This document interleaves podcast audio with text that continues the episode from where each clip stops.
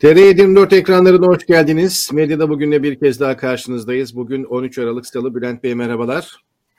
Merhaba Mahmut Bey, iyi yayınlar. Evet teşekkür ediyoruz. Güzel bir yayın olması temennisiyle izleyicilerimizden bir özür dileyerek başlayalım. Yaklaşık bir 10 dakikalık bir gecikmeyle başlayabildik. Teknik bir arızayı ancak sanıyorum halledebildik değil mi? Ee, şu anda. Evet, evet, evet. Hallettik evet. inşallah. Evet. O zaman e, bizi bekleyenleri daha fazla bekletmeden gündemimize hızlı bir başlangıç yapalım. Kapak konumuzda Nurettin Nebati'ydi. Bu konuyla başlayalım. Küpürlerimiz de geldiyse dilerseniz Nurettin Nebati'nin incileri nelerdi, dün neler söyledi? E, şöyle bir bakalım.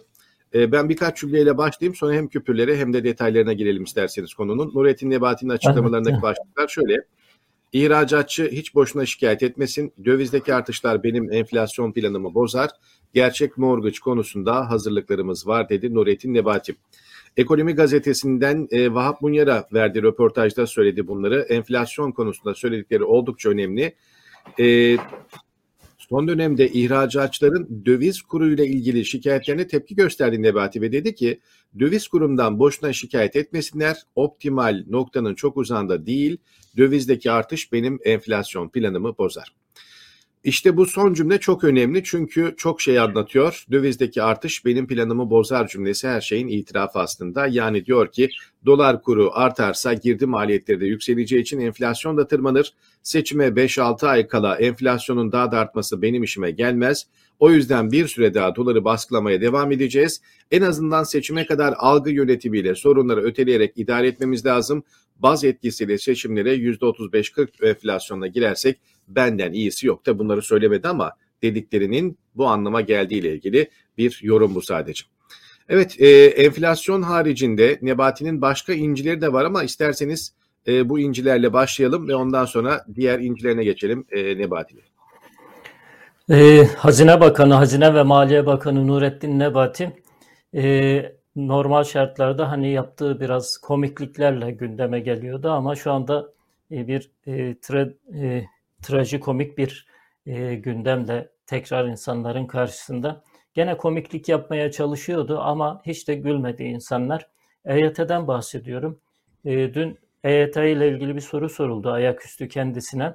E, sonra böyle çok tuhaf bir tepki verdi. Böyle hani e, tabir yerindeyse amiyane tabirle bakın görülüyor burada. Salağa yattı, EYT ne filan gibi şeyler söyledi. E, hani insanların aylardır, yıllardır peşinde koştuğu bir mesele, bir mağduriyet. Bunun çözümüyle ilgili son noktaya geldik. Ha son noktaya geliyoruz. Birazdan son noktaya geleceğiz diye top çeviriyorlardı biliyorsunuz. Şimdi Hazine Bakanı, Maliye Bakanı e, sanki hiç duymamış gibi biraz da böyle o yüzündeki tuhaf ifadeyle birlikte YYTN ki filan diyor. Ya bunu Nurettin Nebati'nin her zamanki komikliklerinden filan zannedenler yanıldılar. Neden? Çünkü sabah gazetelere baktığımızda aslında Nurettin Nebati'nin bu salağa yatma affedersiniz numarası hani teşbih dağıtı olmaz. E, boşu boşuna olmadığını gördük. Akşam gazetesi e, mesela sürmanşet yapmış. EYT takvimi Ocak'ta başlayacak. E, AKP'liler şimdi topu çevirmeye, topu taca atmaya, topu biraz oyundan uzak tutmaya devam ediyorlar.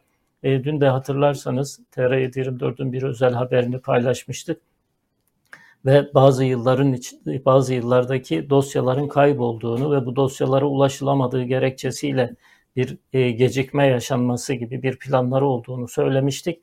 E, şimdi e, o çerçevede gene topu çevirmeye, gene topu oyundan uzak tutmaya ya da taca atmaya devam ediyorlar e, güya AKP'liler diyesiymiş ki işte bütçe görüşmelerinin yoğunluğundan dolayı EYT'yi Aralık, Aralık ayı içerisinde gündeme alamayabiliriz. O zaman ocağa kalır. Yani bütçenin Aralık ayı içerisinde görüşüleceği neredeyse 100 yıl öncesinden belli. Yani meclis kuruldu kurulalı bütçenin hangi e, periyotla nasıl görüşüleceği belirli bilinen şeyler. Yani sanki ilk defa bütçe yapılıyormuş, sanki bütçe böyle olağanüstü zembille gökten inmişti bunlar hazırlıksız yakalanmışlar filan gibi numara yapıyorlar şu anda. Halbuki bütçeyle filan hiç alakası yok. Bunun biraz daha zaman kazanmaya çalışıyorlar. Biraz daha top çevirmeye gayret ediyorlar. Kaldı ki bütün muhalefet partiler işte CHP de açıkladı, İyi Parti de açıkladı. Bu EYT'liler konusunda hükümete destek vermeye hazır. Pek çok iş, işlerine gelen meseleyi bir gecede mecliste e, kanunlaştırdılar, uygulamaya bile koydular. E, muhalefetin destek verdi. Yani muhalefetin muhalefet ettiği şeyler, direndiği şeyleri bile yapabildiler. Şimdi muhalefet destek veriyor. Birkaç saatlik bir iştir aslında EYT'yi çıkarmak. Demek ki aslında dertleri başka. Birçok bir, bir, bir gazetede bununla ilgili haber var. İşte EYT takvimi ocağa sarktı vesaire. Fakat asıl haberler e, mesela Cumhuriyet Gazetesi'nde Selda Güneysu'nun haberi var. E, bakanlar bölündü. E, Vedat Bilgin'le Nurettin Nebati karşı karşıya geldi. Vedat Bilgin bu işi çözmezsek seçimden önce çok büyük zarar görürüz. E, çünkü bir beklenti oluşturuldu. Artı sadece bir buçuk milyon insana bu e, hakkı verirsek geride kalan e, iki buçuk milyon insan bir mağduriyet algısı oluşur ve gene biz bundan zararlı çıkarız. Onun için 4 milyon insan için bunu çıkarmak zorundayız e, dediği ve Nurettin Nebati ile bu konuda karşı karşıya geldiği belirtiliyor. Nurettin Nebati ise e, biz bunu kaldıramayız, bu yükü kaldıramayız. Daha da e, ilerisi e, iş dünyasını, özel sektörü savunan e, bir e, duruş sergilemiş Nurettin Nebati. Bu EYT'lilerin %87'si e, iş dünyası özel sektörde çalışıyor ve özel sektör bu yükü kaldıramayacağını bize beyan etti. Bu hem devlete hem özel sektöre büyük bir yük getirecek demiş. Güya e, karşı karşıya gelmiş ki bakan e, Erdoğan da bu işi çözün diye talimat vermiş. Şimdi bu EYT'nin maliyeye bir yük getireceği, özel sektöre bir yük getireceğini sokaktan herhangi bir kişiyi çevirip sorsanız bunu söyleyecektir. Neden? Çünkü EYT dediğiniz bu insanlar yıllardır emekliliğini bekleyen bu insanlar emekli edildiğinde bir kıdem tazminatı yükü oluşacak. Bunu bilmek için Aralık ayının son haftasını beklemeye gerek var mı? Ya bunu e, basit bir muhasebeciye sorsanız yani yeni mezun, ticaret lisesinden yeni mezun muhasebecide evrak getir götür işleri yapan bir çocuğa sorsanız o bile size der ki evet bundan dolayı kıdem tazminatı oluşur. Sanki bütçeyi ilk defa keşfettikleri gibi yani bütçe kanunu Aralık ayı içerisinde yapıldığını sanki ilk defa duyuyorlarmış gibi bir numara yapıyorlar. İkincisi de sanki kıdem tazminatlarının bir yük getirmeyeceğini hiç bilmiyorlar, hiç duymamışlar hayatlarında. Yani e, milleti yani, emekli ettiğinizde. E, bir, bir konu değil ki Bülent Bey bu. Yani çok uzun zamandan beri pişirilip pişirilip sürekli EYT'lilerin e, önüne getirilen bir konu. Yani eğer bununla ilgili madem samimiyseniz bir hazırlığınız varsa çoktan bütçenize buna göre bir kalem koymanız gerekirdi zaten. Elbette yani e, ama şimdi ne yapıyorlar? Ölümü gösterip hastalığa razı etmeye çalışıyorlar. Daha önce de konuşmuştuk. E, EYT'yi çıkaramayız. Bakın EYT'yi çıkarırsak işte hem özel sektör zor durumda kalacak hem kamu zor durumda kalacak. EYT gittikçe zora düşüyor diye ölümü gösteriyorlar şu anda EYT'lilere. Peki razı etmek istedikleri hastalık ne? E, kıdem tazminatlarını taksitli ya da daha sonra almak üzere EYT'lileri ikna etmeye çalışıyorlar. Halbuki taksit taksit alınmış kıdem tazminatı arada çarçur olup gidecek. Bu insanlar e, yıllarca çalışmışlar. Bu birikimleriyle, kıdem tazminatlarıyla hayatlarının son deminde ya bir araba almaya çalışıyorlar ya bir ev almaya çalışıyorlar. Eskiden bu mümkündü. Şimdi mümkün değil. En azından peşinat yapıp biraz da işte borçlanarak vesaire insanlar ev almak istiyorlar. E, ama e, taksit taksit verdiğinizde o taksitler e, buharlaşıp gidecek. EYT'liler buna karşı ama e, ya ölüm ya hastalık dediğinde yani ya hiç emekli olamayacaksınız bu mağduriyet devam edecek ya da e, kıdem tazminatlarınızı e, taksitle almaya razı olacaksınız gibi bir dayatmayla karşı karşıya kaldıklarında artık ne karar verirler bilmiyorum ama e, hükümetin e, insanların bir e, umudunu nasıl istismar ettiğini, nasıl sömürdüğünü, nasıl aylardır top çevirdiğini hemen her hafta bir iki haberle burada gündeme getiriyorduk. Şimdi geldikleri noktada defalarca Erdoğan da söz verdi, defalarca Bakan Vedat Bilgin de söz verdi. Aralık ayının sonuna bu iş yetişmiş olacak ki biz önceden de söyledik. Ya Aralık ayının sonunu niye bekliyorsunuz ki? Yani EYT'nin ne olduğu belli, nasıl çözüleceği belli, nasıl bir prosedür işleyeceği belli. Bunu neden Ekim'de çıkarmadınız, neden Kasım'da çıkarmadınız, neden Eylül'de çıkarmadınız? Çünkü yıllardır zaten bu konuşuluyor. Hani e, böyle savaş gibi ya da başka olağanüstü bir felaket gibi son anda çıkmış da hazırlıksız yakalanmışsınız. Bu mümkün değil. Yıllardır konuşuluyor. Siz de aylardır çözdük diyorsunuz. EYT'ye müjde verdi Cumhurbaşkanı her zaman yaptığı gibi bir kabine toplantısından sonra EYT'lilerin sorununu çözdük. Aralık ayında bu iş kanunlaşacak dedi. O zaman şimdi neyi bekliyorsunuz? O zaman şimdi niye top çeviriyorsunuz? Bu bir beceriksizlik mi? Bu bir art niyet mi? İnsanların umutlarını sömürmeye mi çalışıyorsunuz? E, Nurettin Nebati'nin başka gafları da var. Sizin şayet e, bu EYT'lilerle ilgili söyleyeceğiniz bir şey yoksa ben o gaflara da biraz temas etmek istiyorum. Evet ya inciyi biraz geçmiş durumda inciler diye paylaştık ama Nurettin Nebati'den inciler bu pek incilik bir durumu da yok. Özellikle e, asgari ücretliler, memurlar için, emekler için söylediği sözlerden bahsediyorsunuz herhalde. Kesinlikle yani bir e, bakanın söz, sözleri içerisinde hani o kadar çok çam devirdi ki yani ancak Nurettin Nebati herhalde bunu başarabilirdi e, diyeyim. Şimdi birincisi asgari ücretliye memura ne verilse haklarıdır diyor. Fakir fukaraya vermek bereket getirir. Şimdi bir, bir kere bakan asgari ücretliyi tahkir ediyor, aşağılıyor. E, sanki onlara sadaka veriyormuş gibi, sanki bir lütufta bulunuyormuş gibi. Halbuki bu insanlar alın terinin karşılığını istiyor, emeğinin karşılığını istiyor. Hem de hak ettiğinden çok daha azını veriyorsunuz. Bakın dünyanın hiçbir yerinde bu seviyelerde bir asgari ücret yok ya daha doğrusu refah seviyesinde hani o çok bizi kıskanıyorlar falan dedikleri ülkeler var ya Avrupa ülkeleri, Almanya şu bu.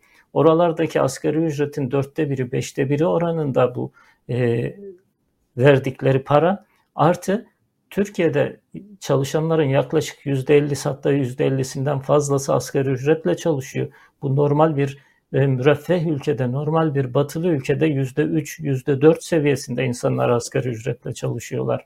Bu bir e, aslında gelişmemişlik ölçüsü asgari ücretle çalışan insanlar ve bu hani hak ettiklerinden çok daha azını veriyorsunuz demektir asgari ücretliye, çalışana, emekçiye, işçiye, memura, işçiye daha doğrusu özel sektörde ya da kamuda. Şimdi asgari ücretin bir lütuf gibi sunuyor e, bakan. Birinci büyük gafı bu. İkinci büyük gafı da şu. Asgari ücretlinin açlık sınırının, fakirlik sınırının zaten çok altında, açlık sınırının da altında olduğunu ve sadakaya muhtaç hale geldiğini başından beri biz Kabul söylüyoruz. Biz söylüyoruz, uzmanlar söylüyor. Hatta e, Diyanet İşleri Ramazan ayında işte asgari ücretliye fitre verilir mi, verilmez mi, sadaka verilir mi, zekat verilir mi, verilmez mi tartışmaları oluyor hatırlarsanız. Şimdi sadaka e, bir bakan zaten bu maaşı sadaka gibi, lütuf gibi veriyor. İki, bu insanların e, açlık sınırının altında kaldığını, bu insanların fakir olduğunu, bu insanların sefalet sınırının altında yaşadığını en üst düzey ağızdan bakan itiraf etmiş oluyor. E, bununla ilgili gazetelerde manşetler de var ama çok beklediğim kadar e, etki beklediğim kadar tepki görmedi. Herhalde gazeteler de artık Nurettin Nebati'yi ciddiye mi almıyor?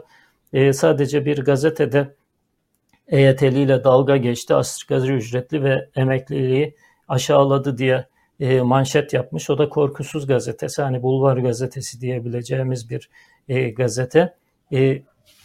Onun dışında mesela Hürriyet gazetesinin birinci sayfasında Nurettin Nebati haberi var. Hani Hürriyet gazetesi eskiden amiral e, gemisi diye filan bilinirdi. Acaba Nurettin Nebati'nin dünkü söylediklerinden hareketle bir şey mi söylüyor diye baktım. Haberin yazının içeriğine de girdim. Birinci sayfada olmadığı gibi içerideki sayfada da bu yazının içerisinde Nurettin Nebati'nin EYT'liler ya da asgari ücretlilerle ilgili yaptığı gaflarla ilgili tek bir satır, tek bir kelime yok. Yani bir taraftan da böyle bir örtme operasyonu var. Yani bağımsız, özgür medya olmazsa e, şey e, en acı, en ağır hakaretleri işitseniz, en kötü haberleri alsanız bile bunu e, o medyadan öğrenmeniz mümkün değil. Yani işte hep e, sosyal medyada so- sokak röportajlarında filan görüyoruz ya A Haber izleyen dayıların, teyzelerin e, çıkıp söylediği şeyler işte bundan dolayı. Yani sorsanız mesela Nurettin Nebati EYT'lileri aşağıladı, e, asgari ücretlileri aşağıladı deseniz herhalde o kitlenin haberi bile olmayacak. Medya özgürlüğünü sınırlamaları, bizim gazetelerimizi, ajanslarımızı, dergilerimizi kapatmaları, kalanları da sopayla hizaya getirmeleri ve izin verdikleri alanda muhalefetçilik oynamalarının sebebi işte bu. İstedikleri gibi algıyı oluştursunlar, istedikleri haberler yayınlansın, istemedikleri haberler yayınlanmasın. Normal bir ülkede, normal medyanın özgür olduğu bir ülkede Nurettin Nebati'nin sözleri bütün gazetelerde manşet olurdu. Bir Hazine Bakanı'nın manş, e, sözleri bütün gazetelerde manşet olurdu. Ama ne yazık ki Türkiye'de bunu göremiyoruz. TR724 sitesinde Nurettin Nebati'nin sizin başlarken okuduğunuz enflasyon döviz ilişkisiyle ilgili sözlerine dair bir analiz haber var, haber inceleme var. Yusuf Dereli'nin haberi. Yusuf Dereli, e, Nurettin Nebati'nin bu sözlerinden hareketle hani amiyane tabirle uyanda balığa gidelim demiş. Yani enflasyon döviz arasındaki kur arasındaki ilişkiyi Hazine Bakanı sanki yeni öğrenmiş gibi davranıyor. Belki de yeni öğrenmiştir yani hak, haksızlık etmeyelim adam çünkü ekonomi eğitimi almadığı için işi yaptıkça öğreniyor da olabilir. E, tabii bu ayrı bir facia. E, Yusuf Dereli haber incelemesinde diyor ki hani kur artacak, cari fazla verecek ve nihayet enflasyon düşecekti. O zaman şimdi kura neden müdahale ediyorsunuz? Bırakın kuru yükselsin. rekabetçi kur stratejisinden vaz mı geçildi? Yoksa yeni mi öğrenildi kurla e, enflasyon arasındaki ilişkiyi? Bakan herhalde yeni öğrenmiş olsa gerek. Uykusuzun e, kapağıyla bitirelim isterseniz. Uykusuz dergisi, e, karikatür dergisi, kapak e, konusu. E, Nurettin Nebati bence enflasyon ay sonunda affını tela, e, talep edecek diyor ama e, enflasyon da talep etmeyecek. Nurettin Nebati de ta- talep etmeyecek gibi görünüyor. Çünkü Nurettin Nebati'den iyi bir günah keçisi bulamaz Erdoğan. Bu e, hani yerine göre böyle komedi unsuru gibi bir komedi figürü gibi konuşarak yerine göre e, başka şekillerle dikkat dağıtıyor ve ekonominin içerisinde bulduğu durumu değil de Nurettin Nebati'nin komikliklerini konuşuyoruz. Erdoğan için bence biçilmiş kaftan, biçilmiş bir Maliye Bakanı portresi diyebiliriz. Ya Nebati kendince komik olabilir ya da kendisini belki çevresinde komik bulanları bulabilir ama hayat hiç de öyle komik değil. İnsanların acıları var ve insanlar bu 3,5 3 yani 3.5 daha doğrusu 3500 lirayla düzeltelim e, yaşamaya çalışan çok büyük bir kesim var. Sadece çünkü Nebati'nin bahsettiği o fakir fukara diye hakaret edip aşağıladığı kesim sadece asgari ücretliler değil de siz de dediniz asgari ücretler zaten toplumun yarısına yakınını oluşturuyor. Dünyada en fazla asgari ücretli çalıştıran ülkeyiz.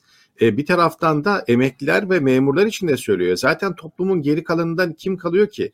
Yani asgari ücretliler, memurlar ve emeklileri bir tarafa topladığınızda zaten geriye çok mutlu, kısa, e, az bir azınlık kalacak. Sanıyorum zaten Türkiye onlar için güzel, geri kalanı için hiç hayat önemli değil. E, 3500 lirayla yaşamak zorunda kalan bir vatandaşın aslında röportaj yaparken hissettikleri var e, bir videoda. E, anlatırken boğazı düğümleniyor, gözyaşlarına hakim olmaya çalışıyor. Yaşadıklarına şöyle bir bakalım, sonra Nebati ile ilgili bir e, küpür daha var. Valla ben üç buçuk alıyor ara. Para etme. Yetmiyor.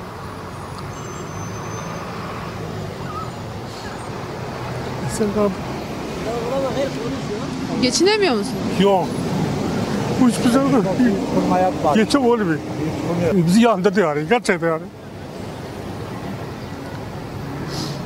Yıla girmemizle birlikte biliyorsunuz ki zam bu yaşta bir insanı yani gözyaşlarına boğacak bir sistem var, bir düzen var. Üç buçuk e, belki verdiğiniz insana e, bunu layık görüyorsunuz. Bir de üzerine de işte fakir fukaraya bunu vermek berekettir diye de dalga geçiyorsunuz. Halk e, Nurettin Nebati'nin bu incilerini ne yapar? Yani en azından e, bunları yaşayan insanlar. E, bunları da ilerleyen zamanlarda göreceğiz ama e, bir başka konu daha var. Nebati ile ilgili konuyu bitirmeden önce Mevlüt Çavuşoğlu Meclis Genel Kurulu'nda konuşuldu. E, konuştu şöyle dedi. Mütevazı bütçemizi en etkin şekilde kullanmaya gayret ediyoruz. Bütçemiz bittiği zaman Maliye Bakanımıza gidiyoruz. Gözlerinde ışıltı varsa talebimizi iletiyoruz. Yoksa bugün gidelim demek ki ışık yok gözlerinde ki yarın gelelim diyoruz. Gerçekten e, meclis kürsüsünde yapılan konuşmalar bunlar. Bakın gözlerdeki ışıltı meselesi sadece bir esprinin ötesine çıkmış. Artık meclis genel kurullarında bile bakanlar bile bunu espriyle, şakayla anlatmaya çalışırken aslında ülkenin içinde bulunduğu acı durumu da itiraf etmiş oluyorlar. Bence Nurettin Nebati'nin o mecliste girerken videosunu arkadaşlar kısaca ve sessiz olarak oynattılar. Onu oynatıp peşinden bir de vatandaşın videosunu bir daha izleyelim mi? EYT ile ilgili olarak hazineye takıldı diye bir şey var ama siz karşıma çıktınız. O yüzden mi yaş, EYT mi? yaş geliyor? Evet. Emeklilikte yaşa takılanlarla ilgili.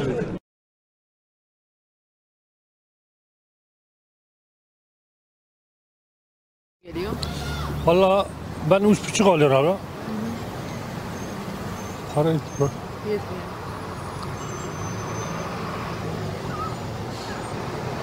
Sen abi. Geçinemiyor musun? Yok. Üç buçuk. Geçe olmuyor. Bizi yandırdı yani. Gerçekten yani.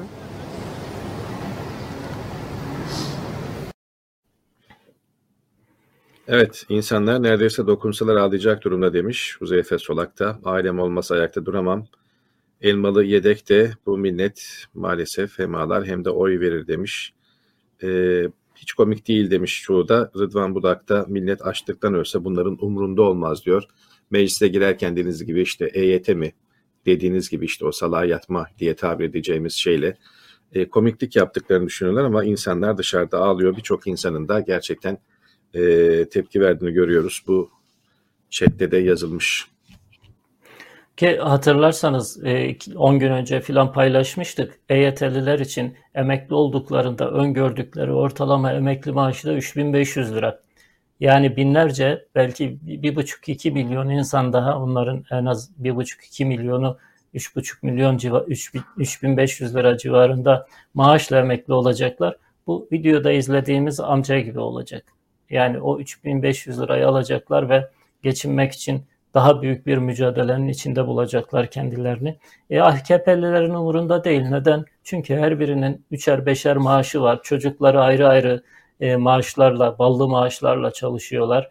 Devlette yönetim kurulu üyelikleri fazla. Her birisini bir yerlerde, birkaç yerde yönetim kurulu üyesi atamışlar. Yetmemiş.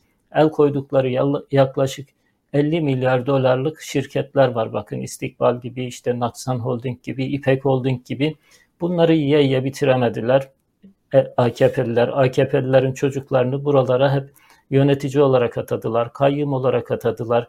Buralardan ballı ihaleler verdiler o AKP'li çocuklarına. Onların e, hali vakti yerinde, onların bir eli yağda, bir eli balda, bir eli de Sumoti'de, e, Ejder Meyveli Sumoti'de, sarayda, 1150 odalı sarayda Ejder Meyveli Sumotilere e, baş koyup uyuyorlar. Onların ya da işte e, şey kestane balıyla, e, manda yoğurduyla Sayın Cumhurbaşkanı gece yatmadan kendisini rahatlatıyor. Rahatlatmaya devam etsin. Sokaktaki vatandaşın hali de bu. Bazıları da işte arabalarında pudra çekmeye devam etsin. Çocuklar en azından lüks araçlar içerisinde. Ee, bir taraftan da bunu söyleyen bir iktidar partisi değil de muhalefetten birisi olsaydı yani hani memuru, emekli bak fakir fukara haline getirdiniz diye neyse de 20 yıldır iktidarda olan bir partinin Hazine ve Maliye Bakanı aşağılayarak söylüyor. Sanki bu insanları fakir fukara haline getiren başkasıymış gibi. O da ayrı bir nokta gerçekten.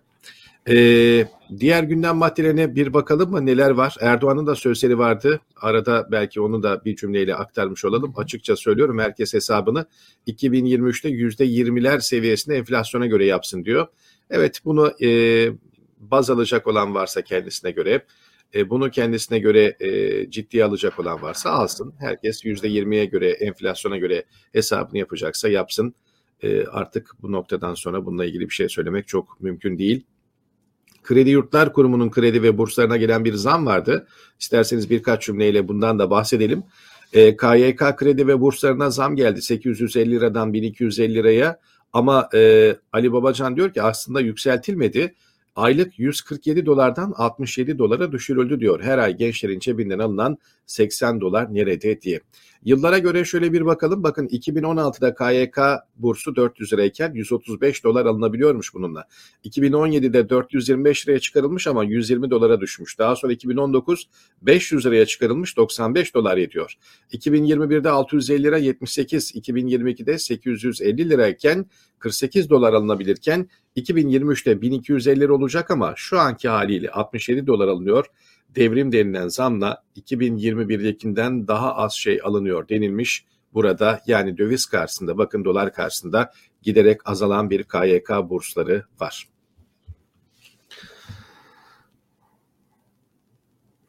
Ben siyasi haberlerle devam edeyim isterseniz. Benim e, aldığım önemli bir köşe yazısı var. TR, T, T24 sitesinde Murat Sabuncu'nun yazdığı bir köşe yazısı var. Siyasi konulara falan temas etmiş ama asıl önemlisi şu bakın.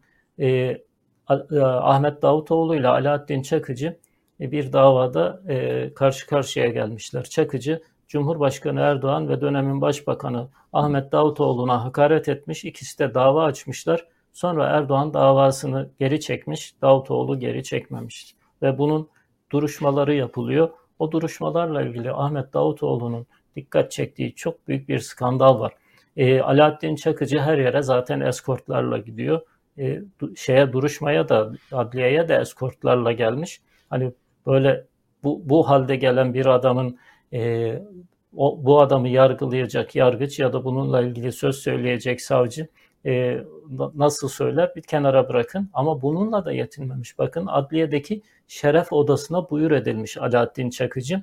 E, Murat Sabuncu'nun yazısı e, aynen e, Ahmet Davutoğlu'nun birebir ağzından anlatıyor. Tırnak içerisinde anlatıyor. Davutoğlu diyor ki e, ben çekmedim davamı diyor. Niye çekeyim ki? Ama Erdoğan çekmiş. E, bizim Kırıkkaleli, Kırıkkaleli genç bir avukatımız var hem de il başkanımız diyor. O davayı almak istedi. Biz yok Ankara'dan avukat göndeririz desek de dinletemedik. O davaya gitti.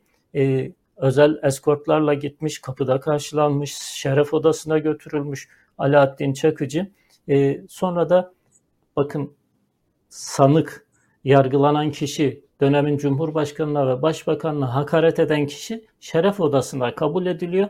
Peki Başbakanın avukatı hem de bir partinin de il başkanı nasıl bir muameleyle karşılanıyor?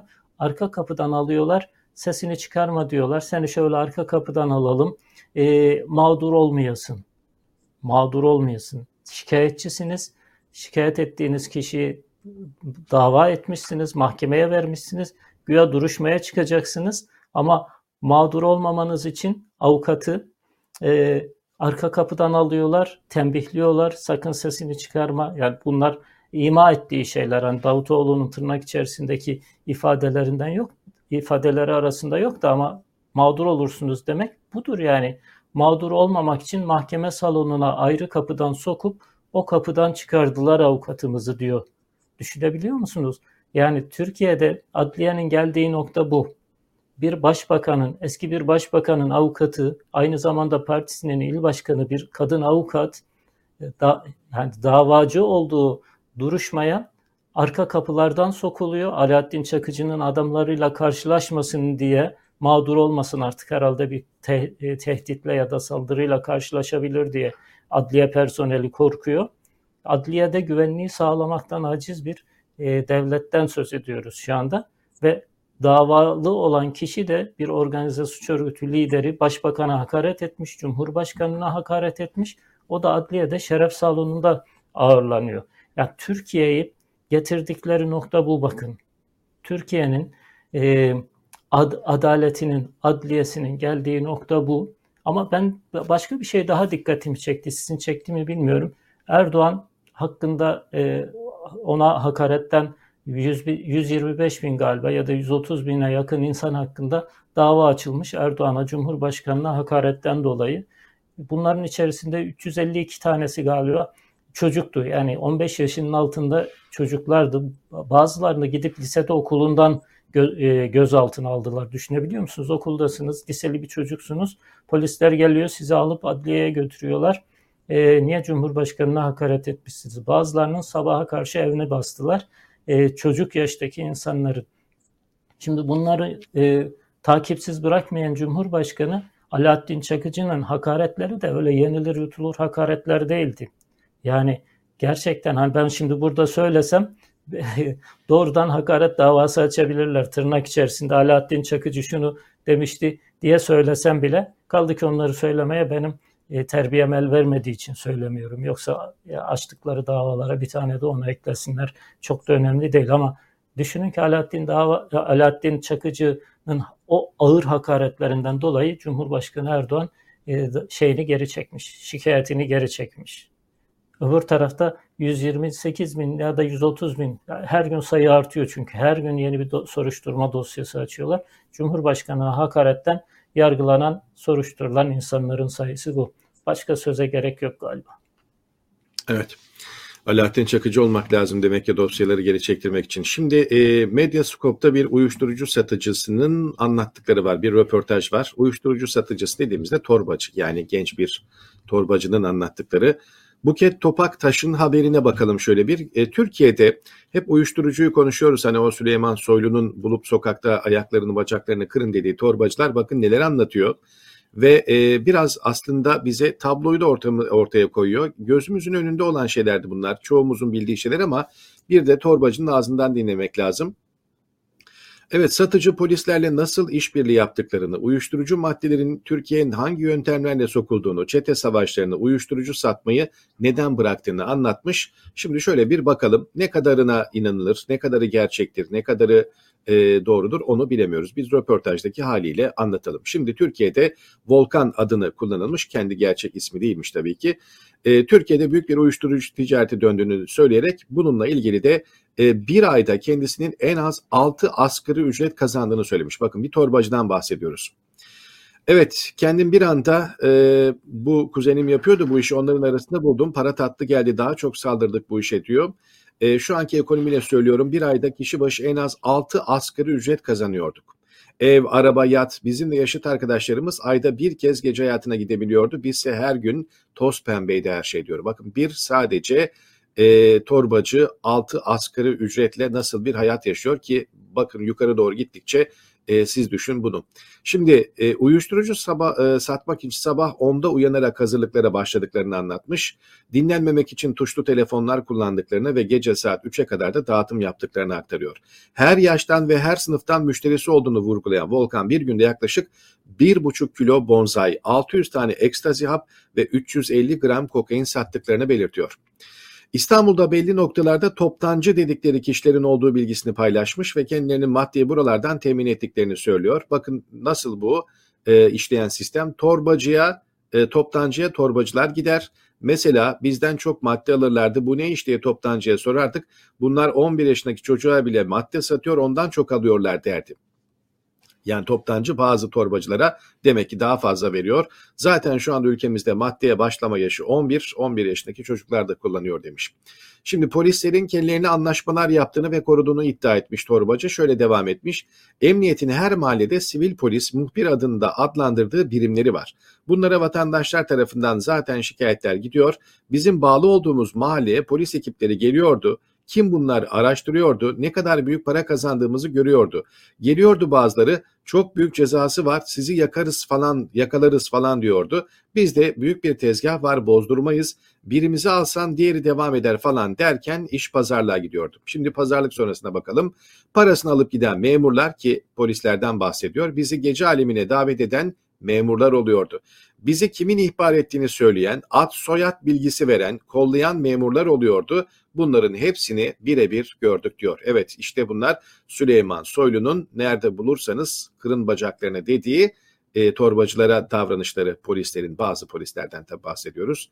Hepsinden değil. Çok satış yaptıkları zaman kurdukları düzen bozulmaması için de bazı polislerle işbirliği içinde aralarından seçtikleri arkadaşlarını bilerek yakalatıyorlarmış. E, bu da ayrı bir konu. Şimdi biraz daha yukarıya resme bakalım.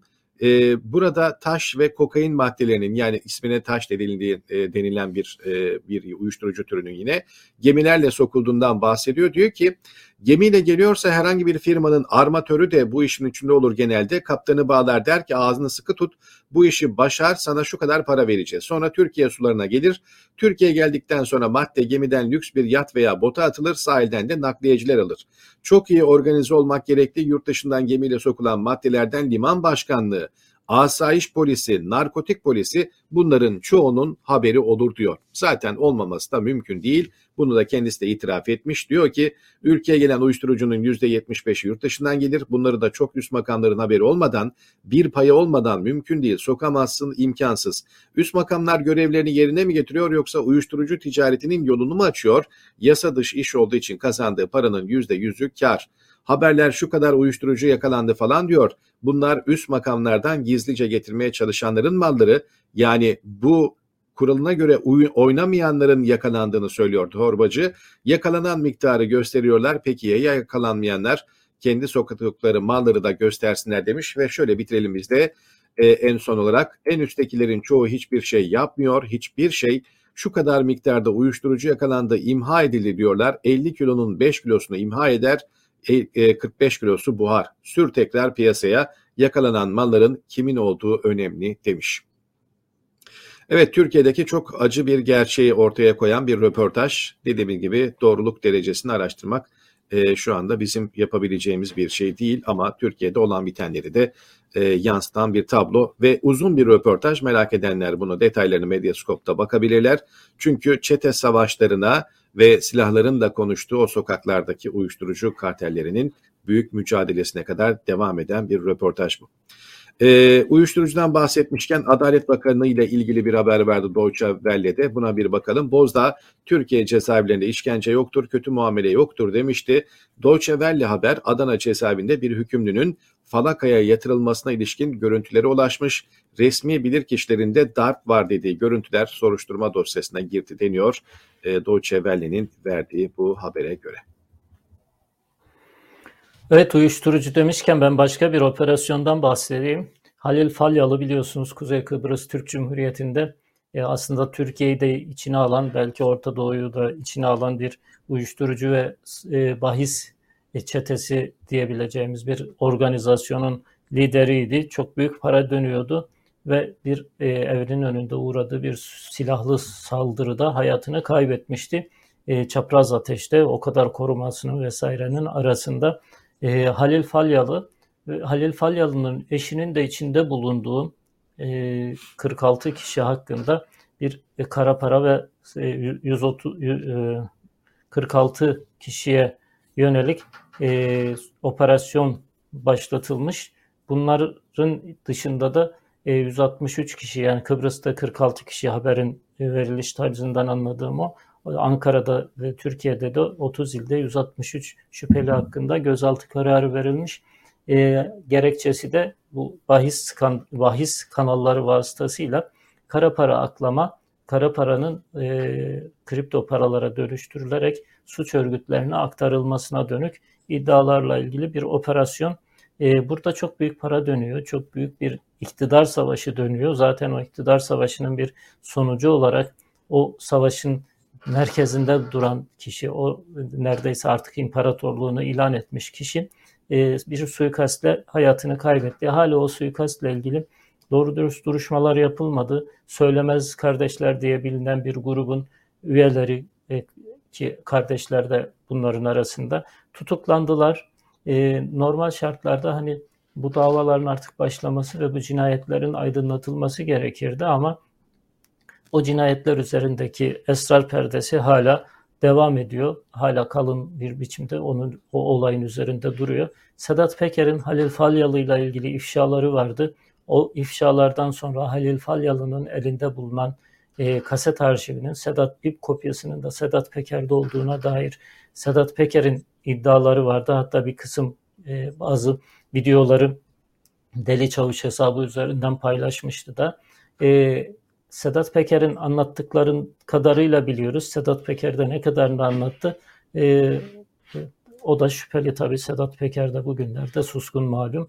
E, Halil Falyalı olayı e, Türkiye'deki o e, kirli organizasyonların, mafya organizasyonların kara para ve kara para ile birlikte e, organize suçu e, finanse eden yapının e, en önemli yapı taşlarından bir tanesi. Bu operasyonda da acaba e, yeni krala zemin mi hazırlanıyor yoksa e, neler hedefleniyor? Bunu açıkçası ben merak ediyorum. Çünkü bu operasyonları e, ne yazık ki bir suçu bitirmek üzere değil de e, mavi boncuğu Türkiye'de mafya devlet ilişkisi böyledir. E, devlet e, herhangi bir mafya liderini kendi muhatabı kabul eder, ona mavi boncuğu verir ve bütün e, sektör e, ya da bütün alem onların tabiriyle diyelim bilir ki devletin muhatabı artık o kişidir ve mavi boncuk ondadır. O mavi boncuğu alanın çalışma alanını rahatlatabilmesi için mavi boncuğu elinde tutanın e, etki alanını genişletebilmek için de bir mıntıka temizliği yapar devlet. İşte mesela Alaaddin Çakıcı cezaevindeydi değil mi? Çıkarıldı, mavi boncuk ona verildi. Onun e, rahat çalışabilmesi için ne yapıldı? Küçük bir mıntıka temizliği yapıldı. Sedat Peker yurt dışına kaçmak zorunda kaldı. Daha önceki dönemde mavi boncuk Sedat Peker'deydi halbuki. Ama devlet onun performansından, devlet dediğimiz işte AKP rejimiyle derin devlet dediğimiz o yapının e, kullandığı insanlar bunlar. Demek ki Sedat Peker kullanım süresi bitti, miadı doldu. Onu çöpe attılar. Onun yerine Sedat Peker'i e, affedersiniz Alaaddin Çakıcı'yı Alaaddin Çakıcı'yı piyasaya sürdüler ve o Alaaddin Çakıcı da rahat çalışabilsin diye mıntıka temizliği yaptılar. Sedat Peker de o mıntıka temizliği sırasında e, yurt dışına kaçmak zorunda kaldı. Şimdi de yaptıkları operasyon gerçekten kara parayı, e, organize suçu bitirmeye dönük bir operasyon mu yoksa yeni mavi boncuklu e, Halil Falyalı'ya alan açmak üzere mıntıka temizliği mi yapıyorlar? E, bunu zaman içerisinde göreceğiz. Yeni mavi boncuklu kişi ortaya çıktığında bu sorularımızın cevabını almış olacağız. Evet, hemen ben birkaç başlık daha paylaşalım. Cumhurbaşkanı Erdoğan'ın milli güvenliğin bozucu nitelikte olduğu gerekçesiyle belki erteledi ya da e, şu ana kadar 60 gün süreyle herhalde erteledi. Evet bakalım habere. Birleşik Metal İş ve Özçelik İş Sendikası'nın grev kararları vardı. Cumhurbaşkanı 60 gün süreyle ertelemiş bunu milli güvenliği bozucu nitelikte gördüğü gerekçesiyle ama Birleşik Metal İş Erdoğan'ın ertelemesine rağmen greve gitmekte yine de e, kararlı görünüyormuş. Cumhurbaşkanı yine tercihini sermayeden ya da kullandı diyerek bakalım Cumhurbaşkanı'nın bu erteleme talebine ya da kararına rağmen bu grev nasıl olacak göreceğiz. Şimdi Dün CHP milletvekilinin mecliste metrelerce uzunlukta bir belge paylaştığını ve bu belgenin içinde piyasada bulmakta zorlanılan ilaçların yazdığını göstermiştik. Bu konuyla ilgili yine Twitter'da önümüze çıkan bir haberi paylaşalım. Bakın bir anne 6 yaşındaki oğlumu 39.9 ateşle hastaneye götürdüm. Müdahalenin ardından reçeteyle taburcu edildik. Ancak reçetedeki biri antibiyotik 3 ilaç gittiğim hiçbir eczanede yok. Depolarda da yokmuş. Benimle birlikte ilaçlarını bulamayan başka anne babalar da vardı ilaç sırasında.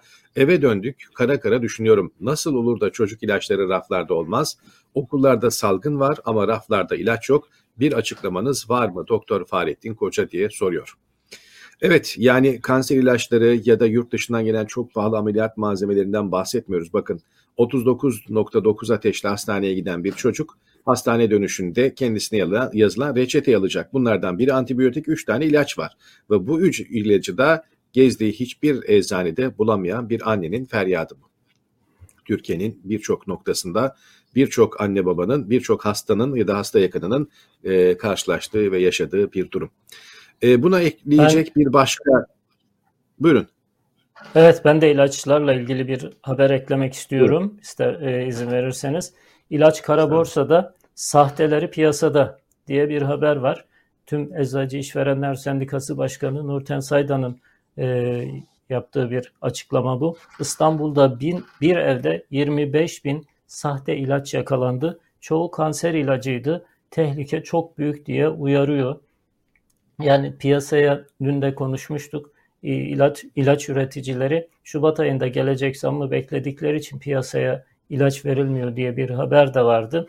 E, evet onlar da maliyetlerinin karşılanamadığı gerekçesiyle e, zam istiyorlar ve zam verileceği ilan edilen Şubat ayına kadar da piyasadaki ilaç e, arzını epey bir oranda azaltmış durumdalar. Bunun faturasını yani devletle ilaç sanayi arasındaki bu tepişmenin faturası e, insanlara çıkıyor, hastalara çıkıyor, çocuklara, yaşlılara bilhassa çıkıyor. Çünkü onların e, bağışıklık sistemi, onların hastalıklarla mücadelesi çok daha zor ama asıl büyük, asıl vahim haber bu. Yani hemen fırsatçılar e, bu ilaç sıkıntısının e, varlığını kendileri adına fırsata dönüştürmüşler ve kanser ilaçları başta olmak üzere pek çok ilacın sahtesini yapıp piyasaya sürmüşler. Bu yakalanan 25 bin sahte ilaç kim bilir yakalanamayan neler var ve bunlar şu anda piyasada kimler tarafından kullanılıyor, kimler e, hani kanseri kanserden kurtulmak için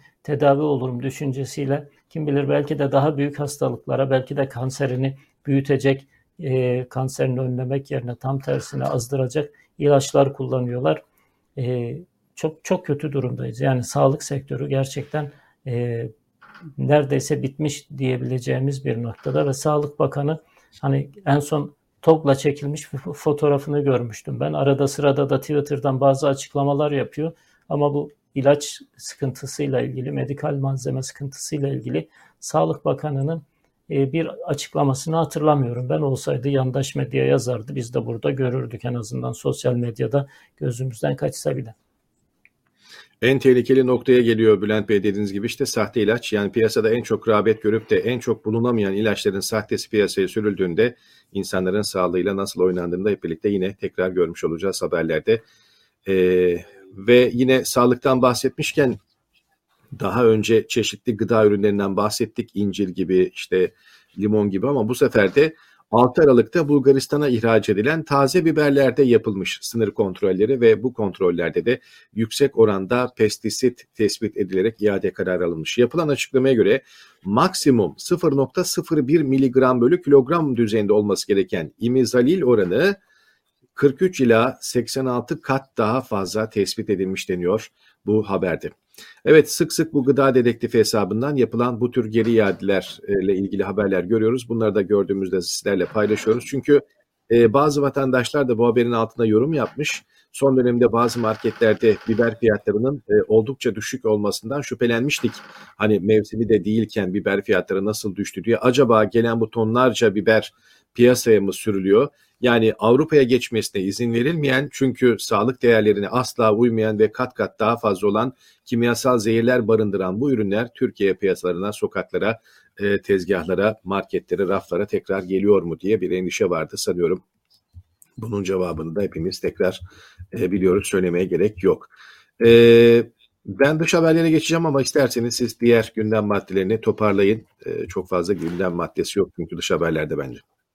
E, dış haberlerle devam edelim bence. E, ben daha sonra evet. iki tane haberim kaldı zaten. E, onları paylaşıp bitireyim. O zaman toparlayalım yavaş yavaş. Hı hı. Peki o zaman hemen şöyle bir bakalım. E, Yunanistan'la ilgili bir haber vardı ki Erdoğan'ın hatırlayacaksınız Tayfun füzeleri konusunda rahat durmazlarsa Atina ile ilgili sözlerine Yunanistan hükümetinden cevap gelmiş.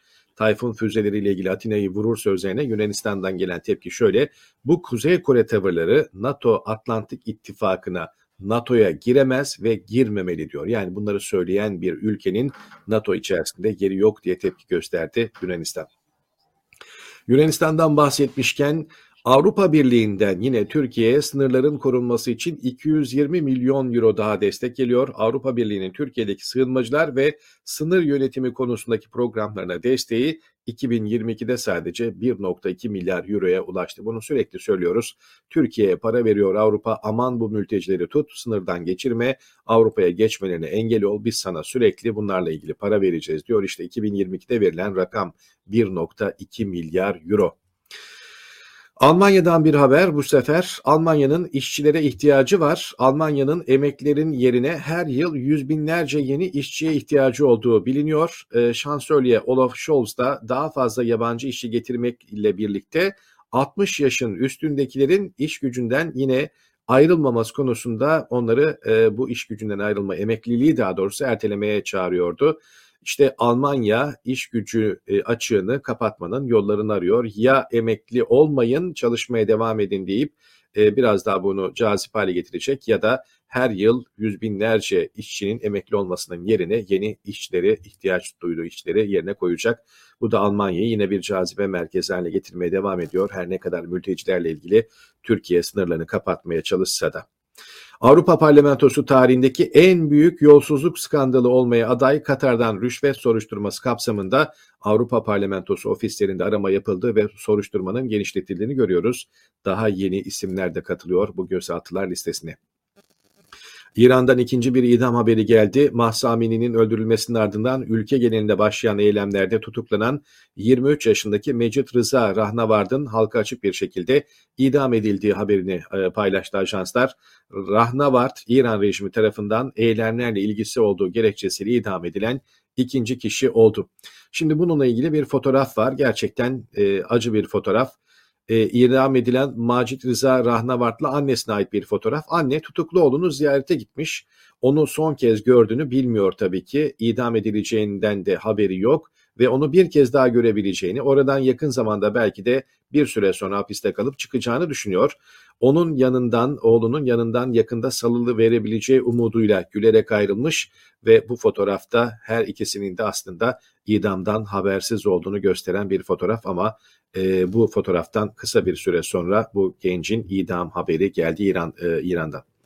İngiltere'den bir haber paylaşalım. Her ne kadar bazı izleyicilerimiz İngiltere'den çok haber paylaşıldığını e, dile getirse de bugün sadece bir haber var. İngiltere'de demiryolu işçileri grevde 48 saatlik ilk grev başladı. Seferlerin ancak %20'si yapılabilecek. Zaten e, İngiltere şu anda kar ve kışın etkisi altında e, otoyollarda ve birçok yerde kar yağışları dolayısıyla sıkıntılar ulaşımda yaşanıyor. E, dondurucu soğuklarla mücadelede İngiltere bir de demiryolu işlerinin greviyle biraz daha sıkıntıya uğrayacak gibi. Putin, Rusya ve uluslararası medya mensuplarının sorularını yanıtladığı yıllık geleneksel basın toplantısını iptal etmiş. Her yılın sonunda o uluslararası medyanın karşısına çıkıp konuşma yapıyordu. Siyasi gözlemcilere göre Putin Ukrayna Savaşı nedeniyle basının karşısına çıkmak istemiyor. Rusya'dan bahsetmişken Rusya'nın savaş döneminde Hindistan'a ham petrol ihracatı 14 kat artmış. Çin'in e, Çin'e 1.6 kat, Türkiye'de 3 katın artmış. Yani bir taraftan ambargo uygulanırken bir taraftan e, Rusya e, diğer Avrupa ülkelerine e, petrol ya da enerji sevkiyatını durdururken bakın Hindistan tam eskisinden 14 kat daha fazla almaya başlamış. Türkiye'de 3 kat daha fazla alıyor burada. Evet hep kötü haberler veriyorsunuz, iyi haberler yok mu diyenler en azından Washington'da yaşayanlar varsa bizi izleyenler arasında onlar için iyi bir haber. Amerika'nın başkenti Washington'da 2023 yazından itibaren toplu ulaşım bedava olacakmış. E, darısı diğer eyaletlerin, diğer ülkelerin ve Türkiye'nin başına diyelim bizde. Evet ben bir siyasi haberle devam edeyim. Başörtüsü konusundaki anayasa değişikliği malum e, Cumhur İttifakı'nın bileşenleri tarafından meclise verilmişti. Millet İttifakı'nın tavrı merak ediliyor, bekleniyordu. CHP bir açıklama e, yaptı. CHP e, Kemal Kılıçdaroğlu'nun genel başkanın talimatı doğrultusunda bir rapor hazırlanacak ve bu rapor MYK'da e, değerlendirilecek. Onlarda gerçi MYK yok. E, TR24, TR24 MYK yazmış ama onlar da herhalde parti meclisinde e, görüşülecek. E, İyi Parti de benzer bir tavır sergiliyor. E, İyi Parti de MYK'sında görüşmüş ve bir kısım çekinceleri olduğunu, o çekinceleri, o düzeltmeler yapılırsa takıldıkları noktalar, riskli ifadeler değiştirilirse onlar da genel olarak olumlu baktıklarını söylüyorlar. Şayet muhalefetin iki büyük partisi CHP ve İyi Parti de destek verirse anayasa değişikliğinin referanduma götürülmesine gerek kalmadan e, mecliste bu anayasa değişikliği e, oylanıp geçirilebilir. Ekonomiyle ilgili e, ilginç bir haber var. Yeni Çağ manşet yapmış. Bu tür anketler e, belirli periyotlarla paylaşılıyor. E, önemli bir haber aslında. Bütçe sıkıntısı evde huzur bırakmıyor. Para yok, huzur yok diye özetleyebileceğimiz bir haber. E, geçim sıkıntısı evde evlerde en çok konuşulan konu haline gelirken mutsuzluk oranı da arttı. Halkın e, yaşam memnuniyeti 10 üzerinden 4.9 seviyesinde seyrediyor. Mutluluk ise 5 olarak ölçüldü. E, anketin ayrıntıları var. İstanbul Barometresi araştırmasının Kasım ayı e, sonuçları bunlar. Vatandaşların %64.7'si evlerinde ekonomik sorunları konuşuyor. Yani %65'i neredeyse, üçte ikisi, e, üçte ikisinden de belki biraz fazla evlerinde e, şey konuşuyorlar. Ekonomik krizi konuşuyorlar. %44'lük kesim ekonomik durumun çok daha kötüleşeceğini düşünüyor. %49.7'si ise Türkiye ekonomisinin kötüleşeceğini düşünüyor. Çok daha kötüyle kötü arasında bir tercih bu. E, katılımcıların %70.3'ü ay sonu ay içerisinde maddi yetersizlikler sebebiyle istediği gıdaları alamıyor. Yani e, Nurettin Nebati'nin yaklaşımı çerçevesinde bakacak olursak olaya insanları gerçekten dilen, dilenci konumuna düşürdüler. Gerçekten sadakaya muhtaç hale getirdiler.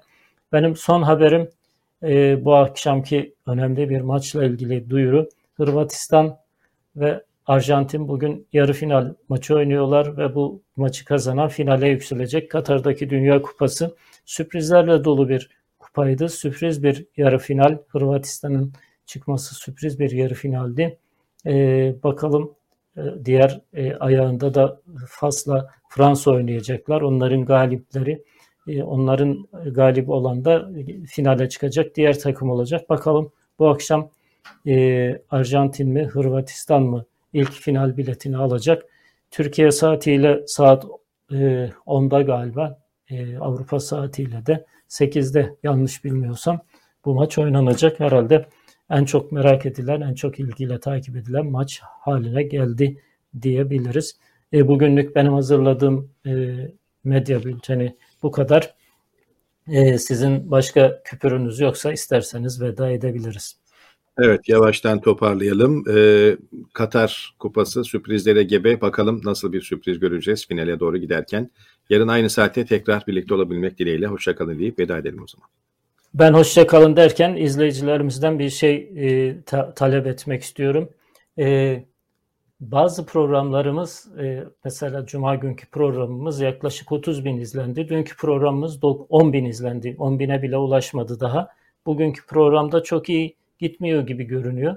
İzleyicilerimizden istirhamımız beğenilerini ve beğenmediklerini ama bazı mesela beğenmedikleri noktaları da söylerlerse hani şu programı şunun için izlemedik, şu program şunun için sıkıcı geldi, e, başta kapattım ya da yarıda kapattım gibi e, bize yorum gönderirlerse biz de kendimizi ona göre ayarlayabiliriz. Bakın işte e, dış haberlerle ilgili yaptıkları uyarıyı burada konuştuk. Biraz da esprili de konuşuyoruz elbette.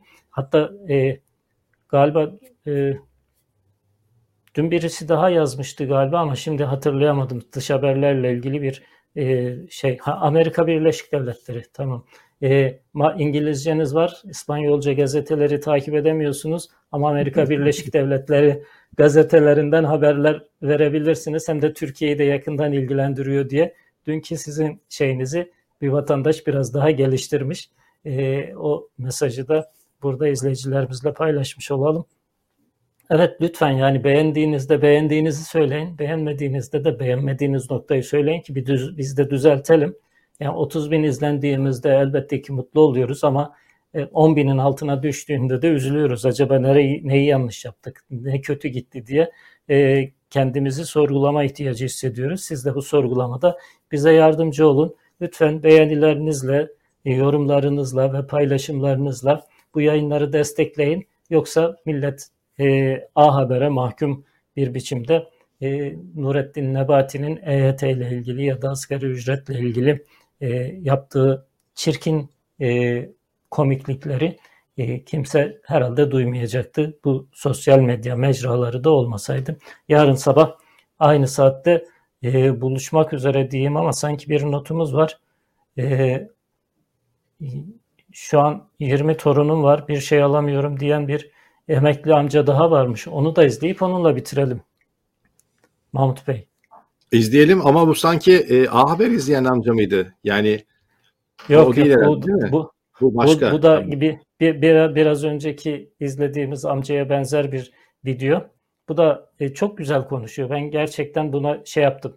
Ya gıpta ettim. İnsanlar aslında azıcık konuşma imkanı bulduklarında o kadar güzel konuşuyorlar. O kadar güzel kendilerini ifade ediyorlar ki hani Türkçesi biraz e, şey olabilir yani hani Türkçesine insanlar takılabilirler. Kaldı ki bence Türkçesi de çok sempatik ama o kadar o hedefi 12'den vuran cümleler kuruyor ki o e, amcayı da e, izleyelim onunla bitirelim.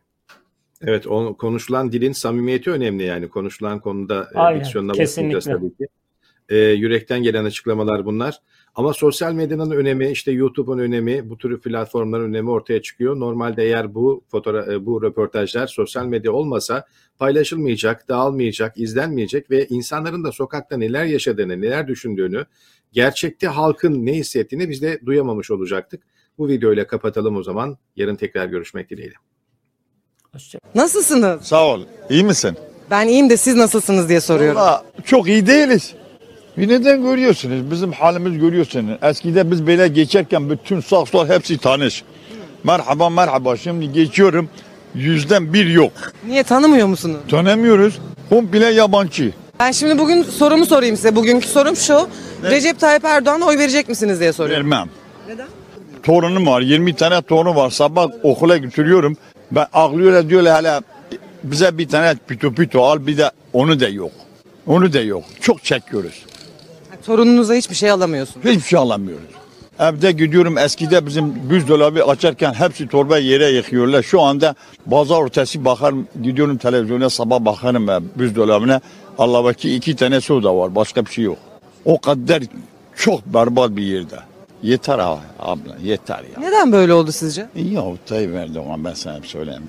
Bütün şu anda mineler yüzde sekseni satmış milletin haberi yok. Yani Peki siz böyle düşünürken e, bazı kesimde hala destekliyor. Her şeyin güzel olduğunu söylüyor. Destekliyorsa o de- destekleyen kesimler bak sabah onlara arabayla yemek geliyor. Akşam bizim komşum bu da.